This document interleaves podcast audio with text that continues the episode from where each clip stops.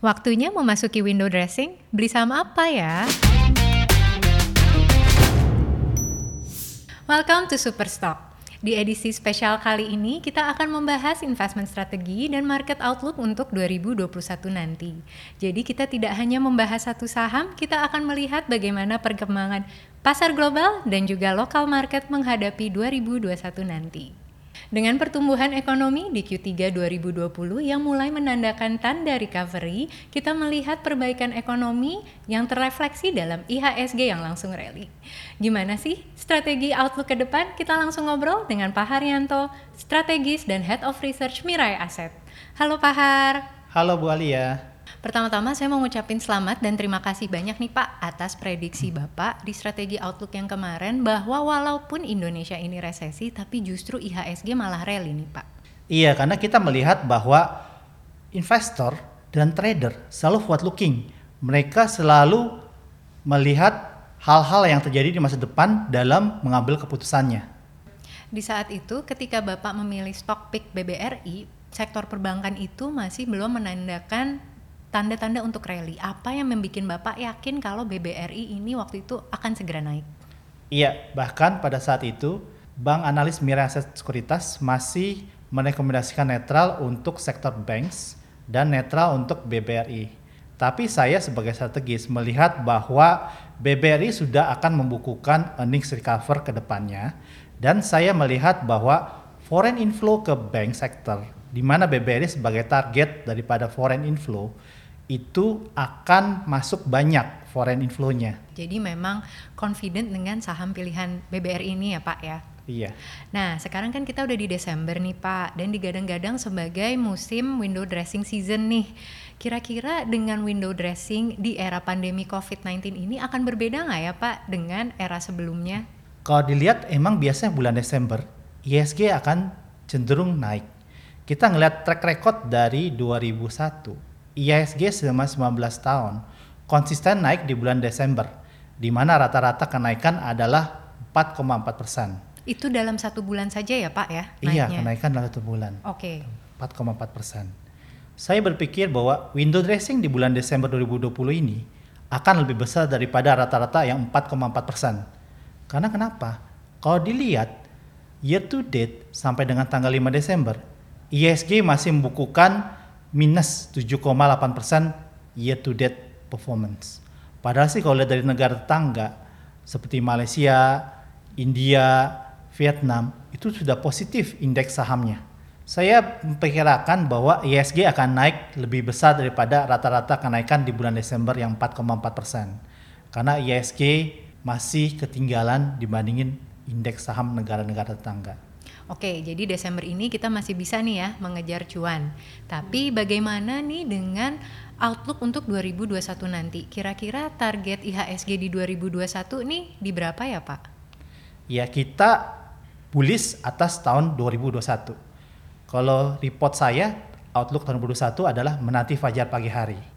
Nah, kenapa nih Bapak bisa bilang menanti fajar di pagi hari? Karena saya melihat banyak faktor baik dari dalam negeri maupun luar negeri yang mensupport kenaikan IHSG tahun 2021.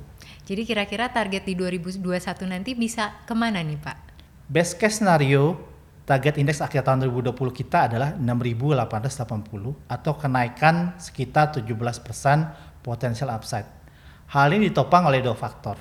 Yang pertama adalah recovery daripada laba bersih IHSG tahun 2021 yang kita perkirakan 25% year on year dibandingkan penurunan laba bersih ISG tahun 2020 yang 24% karena dampak COVID-19.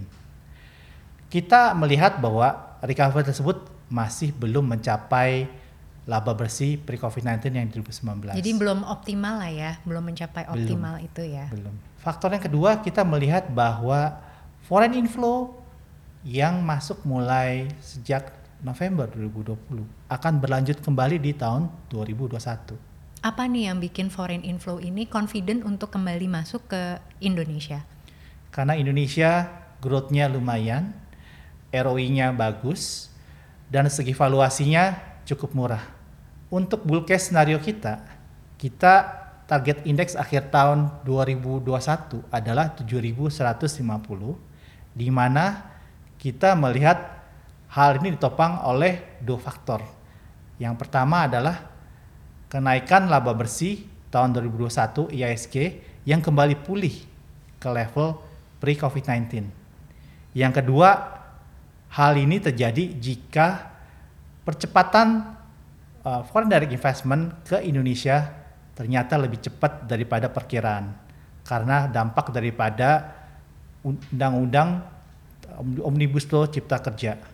Oke, jadi di 2021 kita akan melihat banyak recovery dan juga impact dari stimulus Omnibus Law tersebut ya Pak ya? Iya, itu under bull case scenario kita. Kalau under bear case scenario kita, kita melihat ISG akan turun ke level 5150 di mana hal ini bisa membuat uh, potensial downside sekitar 12%. Hal ini jika terjadi karena satu laba bersih ternyata lebih jelek daripada perkiraan kita karena COVID-19 pandemi ternyata berlangsung lebih lama daripada perkiraan kita. Yang kedua, jika foreign investor melanjutkan kembali penjualan atas kepemilikan saham di Indonesia. Nah, kita bisa melihat nih Pak, perkembangan ekonomi China yang terus meningkat belakangan ini. Apa sih dampak dari aktivitas ekonomi China yang terus tumbuh ini? Menurut view saya, aktivitas ekonomi China yang terus belakangan ini meningkat, itu akan bagus terhadap komoditas. Karena berarti China sebagai the biggest manufaktur, ini aktivitas ekonomi, aktivitas manufakturnya terus naik. Dan itu tentu akan bagus bagi penghasil komoditas dan pengekspor komoditas seperti Indonesia. Jadi dari segi manufaktur China ini sudah menunjukkan recovery ya Pak? Iya benar. Kalau kita lihat data, China sebagai negara manufaktur dunia, ekonomi dan aktivitas manufakturnya trennya adalah naik. Kalau dilihat bahkan data-data uh, eh, PMI-nya telah menunjukkan tren kenaikan dan di mana telah mencapai titik tertinggi dalam 38 bulan. Hal ini juga sebenarnya kalau kita ngelihat juga ditopang oleh dari new factory orders atau pesanan pabrikan atas barang-barang China dan new export orders atau pesanan atas barang-barang untuk ekspor China yang trennya adalah naik. Oke, jadi pertumbuhan ekspornya itu naik ya? Iya, kalau kita ngelihat ekspor bulanan China secara value trennya naik, bahkan telah mencapai titik tertinggi lima tahun. Hal ini tentu akan positif bagi barang-barang komoditas karena komoditas adalah bahan baku daripada manufaktur China. Bahkan PDB China sudah mulai positif sejak second quarter 2020 di saat negara-negara lain masih negatif. Di third quarter 2020, PDB China menunjukkan bahwa tren recovery dan tren kenaikan di mana saat-saat itu negara-negara lain masih membukukan negatif growth atas ekonomi mereka. Jadi akan berdampak negatif atau justru positif nih Pak untuk Indonesia? Saya berpikir bahwa hal ini akan berdampak positif karena Indonesia sebagai negara penghasil komoditas dan pengekspor komoditas tentu akan benefit dari aktivitas manufaktur dan aktivitas ekspor China yang meningkat. Kita coba kita lihat data. Data menunjukkan China mengkontribusi sekitar 17% daripada ekspor Indonesia dan merupakan negara nomor satu tujuan ekspor Indonesia. Dan coba kalau kita lihat data-data mengenai barang-barang yang kita ekspor ke China. Kebanyakan besar adalah komoditas bahan baku untuk manufaktur China. Tentunya ini akan positif ya kita lihatnya. Nah, tren US dollar di 2020 ini justru makin melemah nih Pak. Bagaimana sih outlook US dollar di 2021 dan pengaruhnya ke harga-harga komoditas? Iya, kalau kita lihat data, emang US dollar currency melemah terhadap mata uang major lainnya di tahun 2020. Kita percaya bahwa pelemahan US dollar ini terhadap mata uang major lainnya akan terus berlanjut di 2021 karena dua twin defisit di negara Amerika Serikat. Apa nih Pak? Boleh dijelaskan sedikit nggak twin deficit ini? Twin deficit ini adalah terjadinya fiskal defisit di negara US karena banyak stimulus dari pemerintah Amerika untuk mensupport dampak COVID-19 yang kita perkirakan ini akan terus berlanjut sampai dengan tahun 2022. Dan yang kedua adalah terjadinya current account deficit di negara Amerika Serikat. Hal ini juga terjadi bersama dengan suku bunga Amerika Serikat yang diperkirakan akan terus rendah sampai dengan tahun 2023 sehingga membuat US dollar currency dalam tekanan terhadap mata uang major lainnya. Tentunya hal ini akan positif bagi harga komoditas. Karena kalau kita ngelihat polanya, pada saat US dollar melemah, tren harga komoditas adalah naik. Dalam hal ini Indonesia sebagai negara pengekspor dan negara penghasil komoditas akan diuntungkan oleh pelemahan US dollar. Apa sih Pak pengaruh dari pelemahan US dollar ke pergerakan indeks? Kita melihat pola bahwa pada saat mata uang Amerika Serikat melemah terhadap major mata uang lainnya, indeks saham negara-negara emerging market termasuk IHSG trennya adalah menguat. Dan kita percaya bahwa pelemahan mata uang Amerika Serikat di tahun 2021 juga akan membuat indeks saham emerging market dan indeks saham Indonesia yaitu IHSG akan menguat. Penguatan ISG juga kita percaya akan ditopang oleh foreign inflow ke saham-saham Indonesia yang di mana kita lihat foreign inflow terhadap saham Indonesia ini sudah mulai terjadi sejak November 2020 sejak Presiden Biden terpilih dalam pemilihan Presiden Amerika Serikat. Jadi kita perlu tahu nih Pak, dengan tadi nih Bapak udah bilang ada pelemahan US dollar, ada pertumbuhan perekonomian China, dan juga adanya recovery dari perekonomian Indonesia. Kira-kira sektor dan saham mana nih yang akan bergerak duluan di 2021 nanti? Kalau secara besar, uh, saya melihat bahwa saat ini uncertainty atau ketidakpastian sudah mulai memudar karena dua faktor. Yang pertama adalah pengembangan vaksin COVID-19. Yang kedua adalah ketidakpastian atas pemilihan Presiden Amerika Serikat sudah pudar. Karena ternyata Presiden Amerika Serikat saat ini, Presiden Trump sudah legowo untuk menyatakan Biden sebagai pemenangnya. Jadi udah official ya, Trump iya. ikhlas ya Pak ya. Iya. Okay. Jadi hal ini membuat ketidakpastian pudar. Saya menyarankan investor untuk switching dari yang namanya defensive sector seperti consumer goods menjadi ke cyclical dalam hal ini adalah commodity related dan value stocks dalam hal ini adalah banks. Jadi yang biasanya main aman mungkin di consumer goods bisa lebih melirik nih ya ke sektor komoditas dan juga bank ya. Iya, makanya itu kita sektor pick uh, saya untuk tahun 2021 adalah banks dan commodity related jadi kalau dilihat antara lain pertama adalah bank, yang kedua adalah nickel mining, yang ketiga adalah uh, batu bara, yang keempat adalah CPO.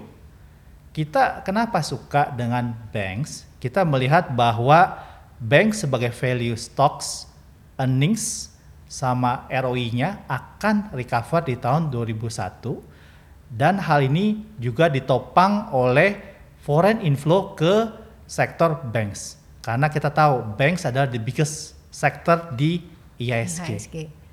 Samping itu kenapa kita suka dengan metal mining?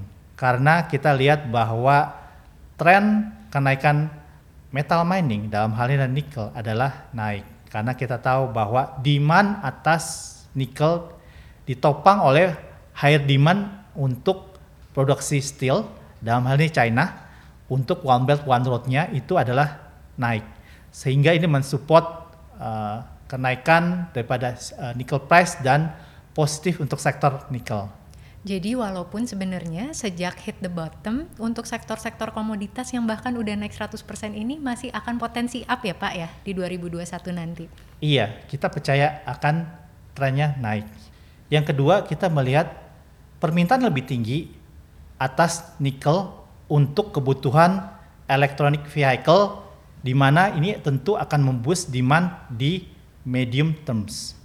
Selanjutnya kita suka juga dengan CPO karena CPO kita percaya harga CPO akan terus bagus at least sampai dengan kuartal 2 tahun 2021.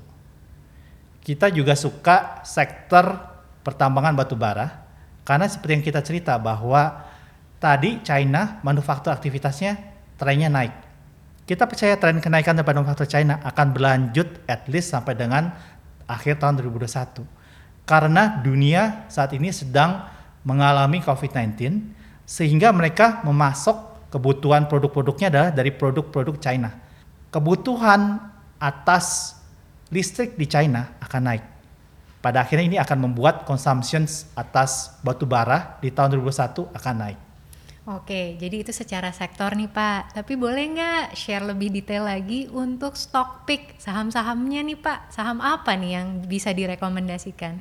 Ya, uh, di bulan Desember ini kita memasukkan beberapa saham topics lagi. Yang pertama kita suka banks, dalam hal ini adalah BBNI. Kenapa kita suka BBNI? Karena dari segi valuasinya murah, PBV masih satu kali dibandingkan yang lain. Yang kedua, earnings growth atau pertumbuhan laba bersih BBNI dibandingkan big banks lainnya itu paling besar di tahun 2021 ini.